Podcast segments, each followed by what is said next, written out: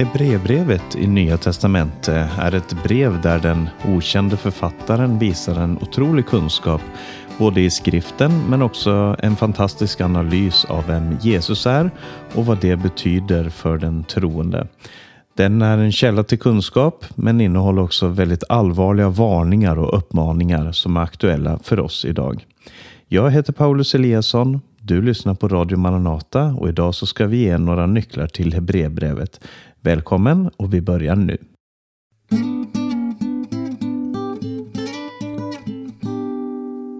Hebreerbrevet hittar du i Nya Testamentet efter alla aposteln Paulus brev och innan de andra apostlarnas brev. Den består av eh, 13 kapitel och trots att det här eh, brevet kallas för ett brev och ligger ibland eh, Nya Testamentets brev så är den formad egentligen mer som en predikan. Den är utan introduktion och hälsning i början som är väldigt vanlig i de andra breven. Eh, även om den har en del hälsningar i slutet av brevet. Eh, så det man antar är att den här, det här brevet kanske är en nedskriven predikan som gjordes om till en skrift och som sändes runt då till olika församlingar. Dessutom så tar det här brevbrevet ungefär 45 minuter att läsa. Något som enligt min mening i alla fall är en bra längd på en predikan. Och I introduktionen här så sa jag att det är en okänd författare. Och Det korta svaret på frågan vem är författare till Hebreerbrevet det är det vet vi inte. Och Det är det ingen som vet. Därför så refererar vi, när vi talar om Hebreerbrevet så säger vi alltid författaren eller Hebreerbrevets författare. Och om jag under den här eh, introduktionen skulle råka säga Paulus någon gång så ber jag om ursäkt för det. Det anges inte någon författare, men eh, klassiskt sett då, så har man då sagt att det antagligen är Paulus som är författaren. Men eh, eh det må, måste ha varit någon som kände aposteln i alla fall, om man inte själv var en apostel. Och det har argumenterats både för aposteln Paulus, Apollos, Barnabas, Lukas, Petrus, Judas, Stefanus, Silas, Epafroditus, eh, Filippus, evangelisten och även några kvinnor som Priskilla, Maria, Jesu mor och andra. Eh, som man argumenterar för skulle vara författaren här. Då. Men kort och gott så kan vi säga att Eh, vi vet inte vem det är. Eh, jag kanske lutar mest mot Lukas. Det finns vissa spår av det i eh, språket som han använder som påminner mycket om språket i Lukas evangelium och apostlärningarna. Men teologin är väldigt mycket lik aposteln Paulus teologi. Hur som helst, Eh, kapitel 13 och vers 7 säger att det är några av de här eh, lärarna i församlingen som har dött. Eh, de som har gått före. Och därför säger det oss att det här är i alla fall inte ett brev som är skrivet helt i början av eh, den kristna församlingens historia. Antagligen så är det skrivet efter år 60. Men det talar mycket om offertjänsten som författaren menar inte längre behövs. Utan att det nämns Eh, det templet som blev förstört år 70. Så, eh, vilket hade varit ganska naturligt att nämna då. Eh, och därför så anser man att den antagligen är skriven någon gång mellan år 60 och 70. Vilka är det som tar emot det här brevet, Hebreerbrevet? Det kallas ju för Hebreerbrevet, men några specifika mottagare nämns inte i brevet. Det är antagligen någon som kände Eh, det, det eh, skrivit till människor som kände och var personligt engagerade i Israels historia. Och då är det naturligt att tänka sig att det är judar det handlar om. Eh, antagligen då judar i diasporan, alltså kringspridda i de länderna runt omkring eftersom det här brevet skrevs på grekiska. Eh, och inte arameiska som judarna i Israel talade. Och eh, författaren då citerar Septuagintan som är den grekiska översättningen av Gamla testamentet. Och Det här var människor, förstår vi utifrån det som står här, som blivit förföljda och fängslade för sin tro och kanske till och med lockade att gå tillbaka till det liv som de hade tidigare. Och det är just det här som eh, Hebreerbrevet bemöter. För att teman eh, som vi möter i det här brevet är framför allt att eh, författaren önskar att visa att Jesus är större än allt och alla som kan nämnas. Och sen är det en utmaning till läsarna att vara trofasta mot Gud även under pågående förföljelse. Det är temat här och nu ska vi gå in i texten.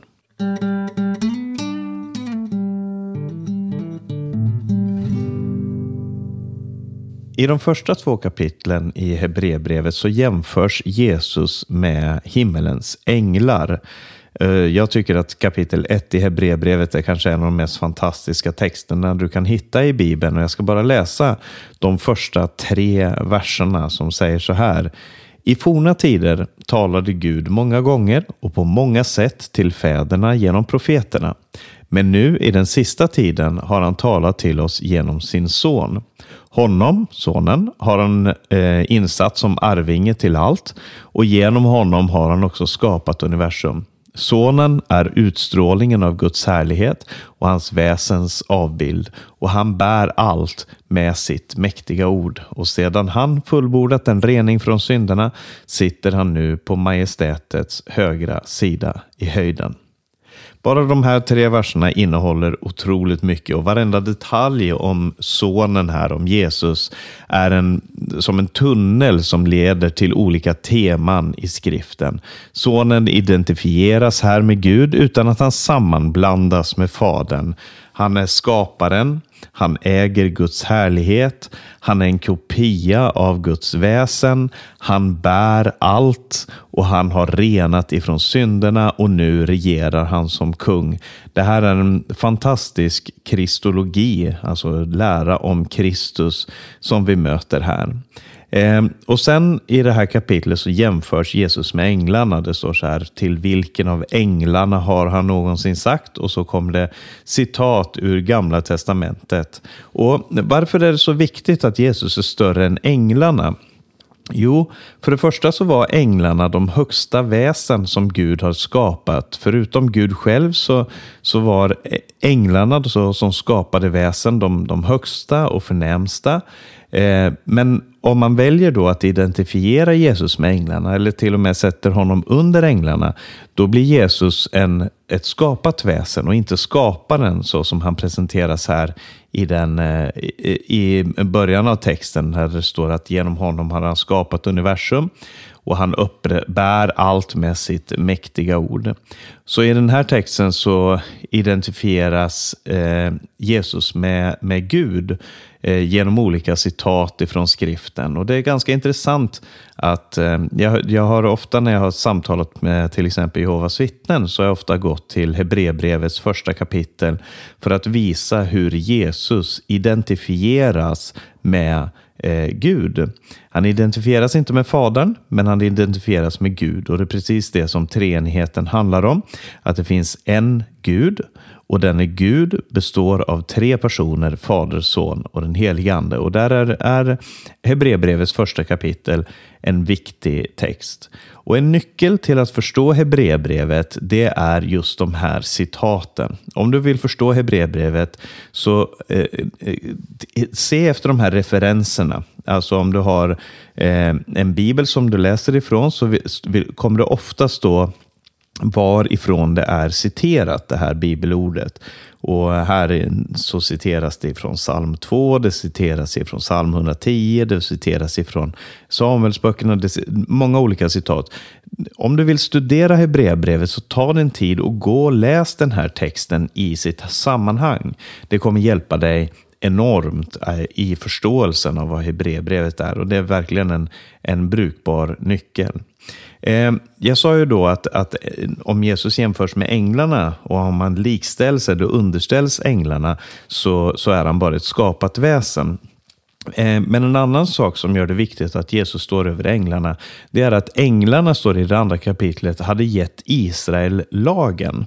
Så lagen förmedlades till Mose genom änglar.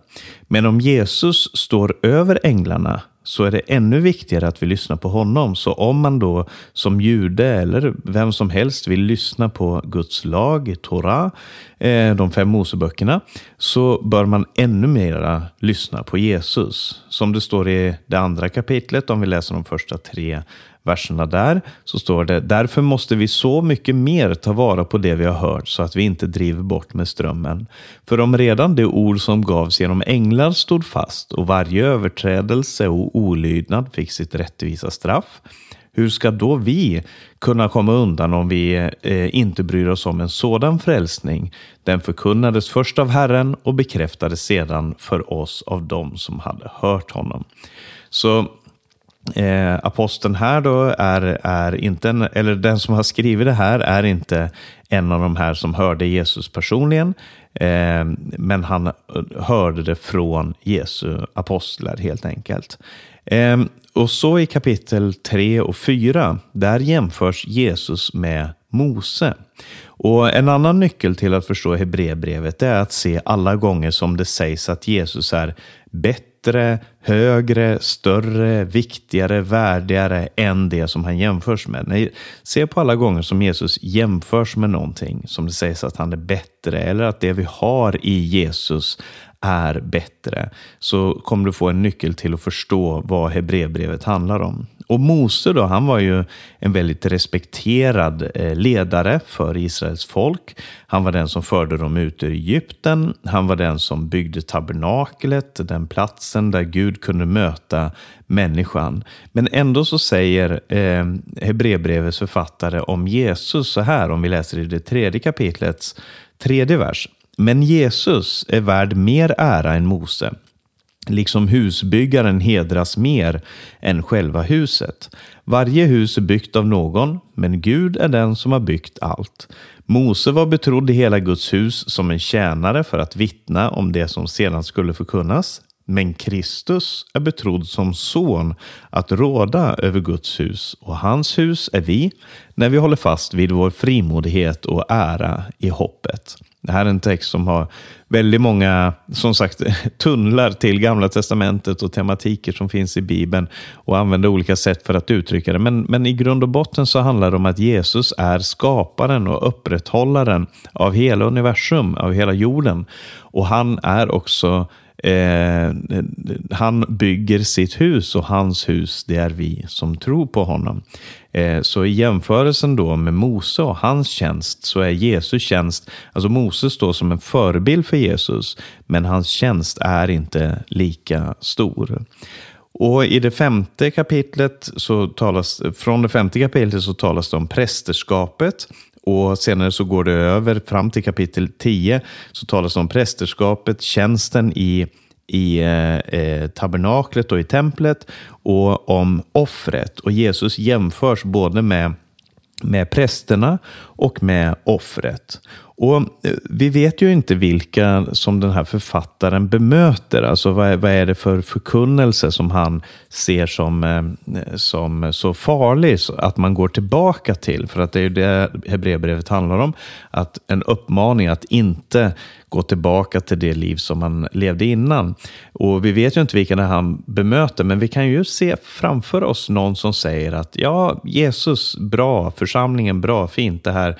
Men i den tron som vi hade i, i judendomen så gav vi heder och ära till änglarna och vi hade Mose och vi hade prästernas tempeltjänst och allt det här var vackert vackert och värdigt och respektabelt. Jesus, han är ju inte ens en levit. Alltså, det, det känns på ett sätt som att man förlorar en massa av de här ritualerna och tjänsterna och allt det som man, eh, som man trodde på och stod för och tyckte var så vackert. Förlorade man när man blev en Jesu efterföljare. Men det författaren säger är att Jesus är mycket mer än allt det här. Han är uppfyllelsen av allt Eh, som, som då Gamla Testamentet, de hebreiska skrifterna talar om.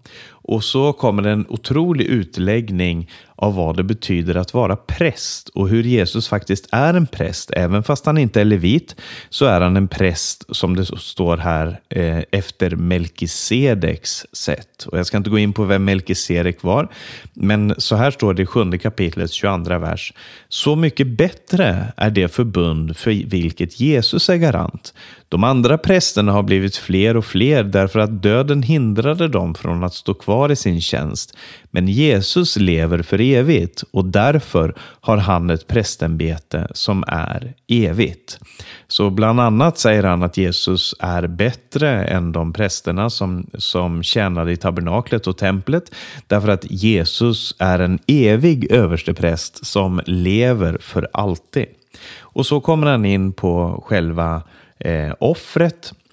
Man hade ju en, en, som en del av sin gudstjänst så hade man det dagliga offret och det årliga offret.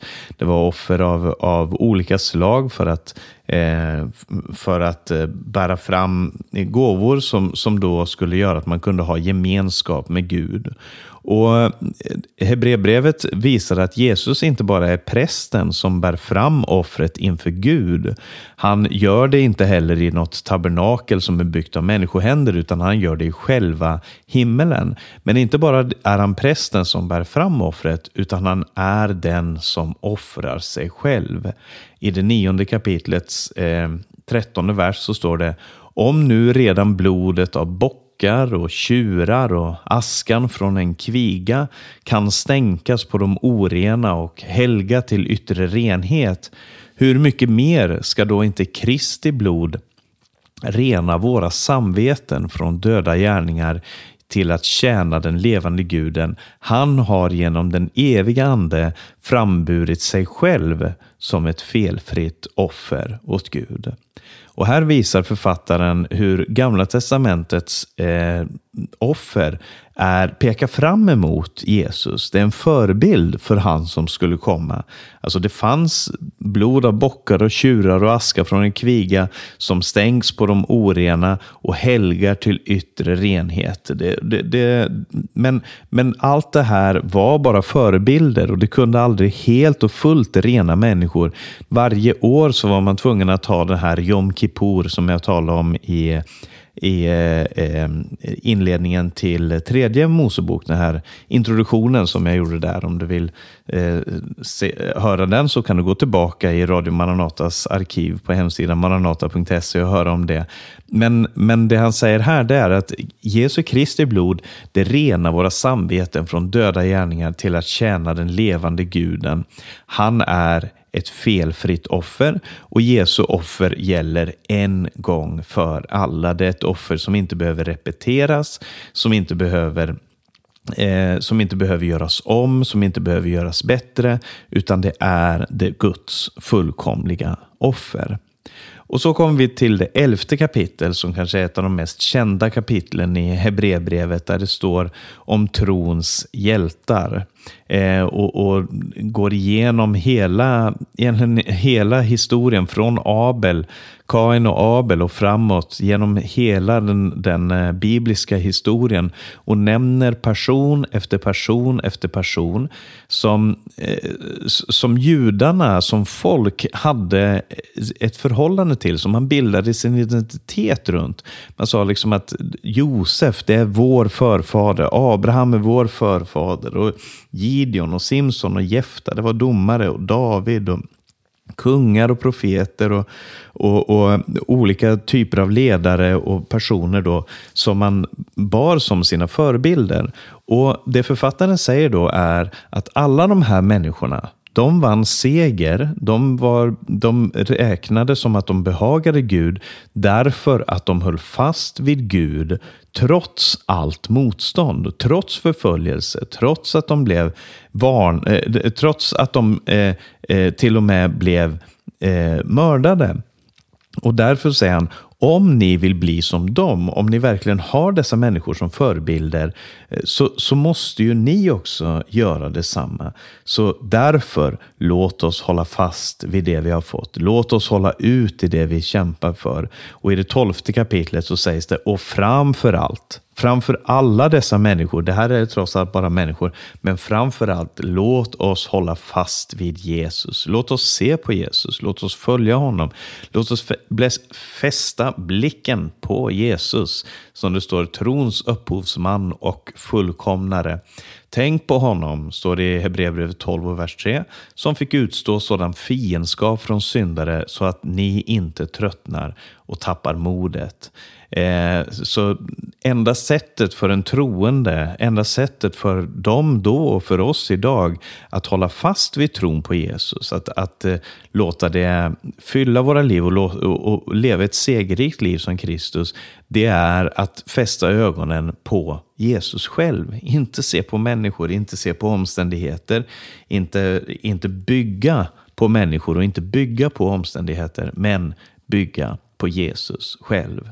Och så kommer det sista kapitlet, det trettonde kapitlet, där det sägs att eh, eh vi ska, det, det, handlar om församlingen, att vi ska lyda våra ledare och så vidare. Men så sägs det, och låt oss också gå ut till honom, alltså Jesus, utanför lägret och bära hans vanära, bära, som den gamla översättningen sa, hans smälek. Här har vi ingen stad som består, men vi söker den stad som ska komma.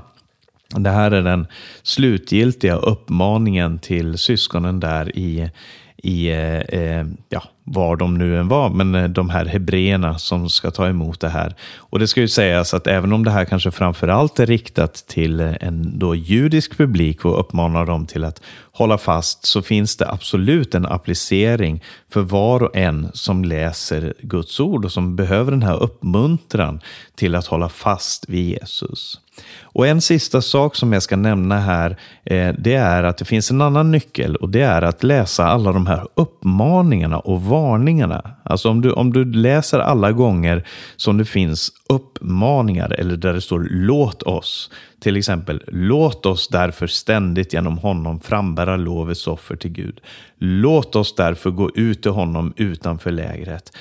Alla, alla de här uppmaningarna som finns där är en kallelse till en kristen livsstil baserat på vad Jesus har gjort för oss. Eftersom han led för oss, låt oss lida tillsammans med honom. Eftersom han gick den här vägen, låt oss gå tillsammans med honom. Eftersom han har älskat, låt oss älska. Eftersom han höll fast, låt oss hålla fast. Och Det finns väldigt många varningar i Hebreerbrevet för vad som annars kommer hända. Och Jag ska ta bara till slut ett exempel som har skapat en del huvudbry för människor. I det tionde kapitlet så står det för om vi fortsätter att synda med vett och vilja efter att ha fått kunskap om sanningen, då finns det inte längre något offer för synderna, utan bara en fruktansvärd väntan på domen och en rasande eld som ska förtära motståndarna. Och Det här har människor ofta tagit som eh, intäkt för, eller de har förklarat det här med att ja, om man blir frälst och sen avfaller så finns det ingen väg tillbaka. Det finns inte längre något offer för synderna. Och genom historien och, och den kristna historien så, så, har, eh, så har det nästan till alla tider funnits de som har förkunnat det här att du, du kan bli frälst en gång, då renas du från alla dina synder, men sen så kan du inte synda mer eller om du syndar, om du gör, eller om du gör en viss typ av synd eller en viss mängd av synd så är, kan du inte komma tillbaka, du kan inte ta emot Gud på nytt igen, du, det finns ingen frälsning för dig, du är förtappt. Och Den här varningen är väldigt allvarlig, det är helt sant. Det, och det finns många flera varningar i eh, Hebreerbrevet som, som varnar för olika saker som leder bort ifrån Kristus. Men den här texten betyder inte att den som har fallit bort Eh, är förtappad för evigt. Det finns ingen väg tillbaka. Det den säger är att det finns inte något annat offer som man kan vända sig till. Alltså för den som syndar och går bort ifrån Gud, som förkastar Jesus Kristus, som, som bespottar honom och går en annan väg. För dem finns det inget offer för synderna. Alltså för den som inte vill ha Jesus, man kan inte säga så, nej men jag, jag vill inte ha Jesus, jag, jag, jag, väljer att göra det på, på det här sättet istället, för det, det, det, det går nog bättre, eller det går nog bra. För de människorna så säger han, det finns inget sätt, det finns ingen väg, det finns inget an, ingen annan väg. Och därför så säger han i slutet av det tionde kapitlet, därför Kasta inte bort er frimodighet, den ger stor lön. Ni behöver uthållighet för att göra Guds vilja och få vad han har lovat. Och det här är då uppmaningen som vi möter i, eh, i Hebreerbrevet. Det här är konklusionen av det som han förkunnar. Så det han gör är egentligen det som vi borde göra i varje predikan, i varje förkunnelse.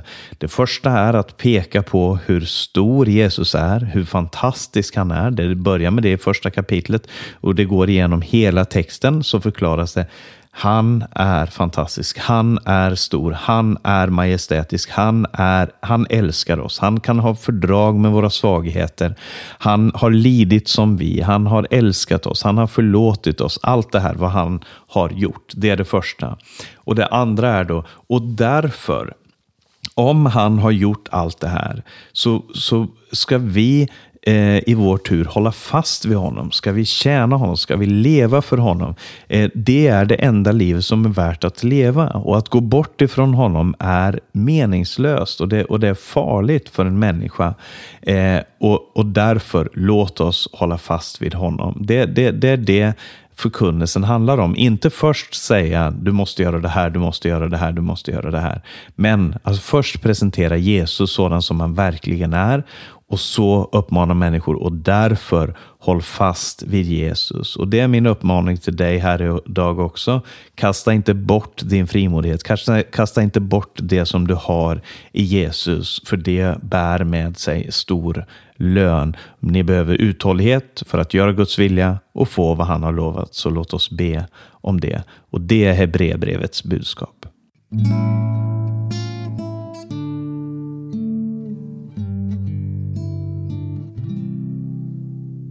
Alldeles strax ska vi lyssna på sången Dag efter dag som sjungs på norska och engelska med församlingen i Norge.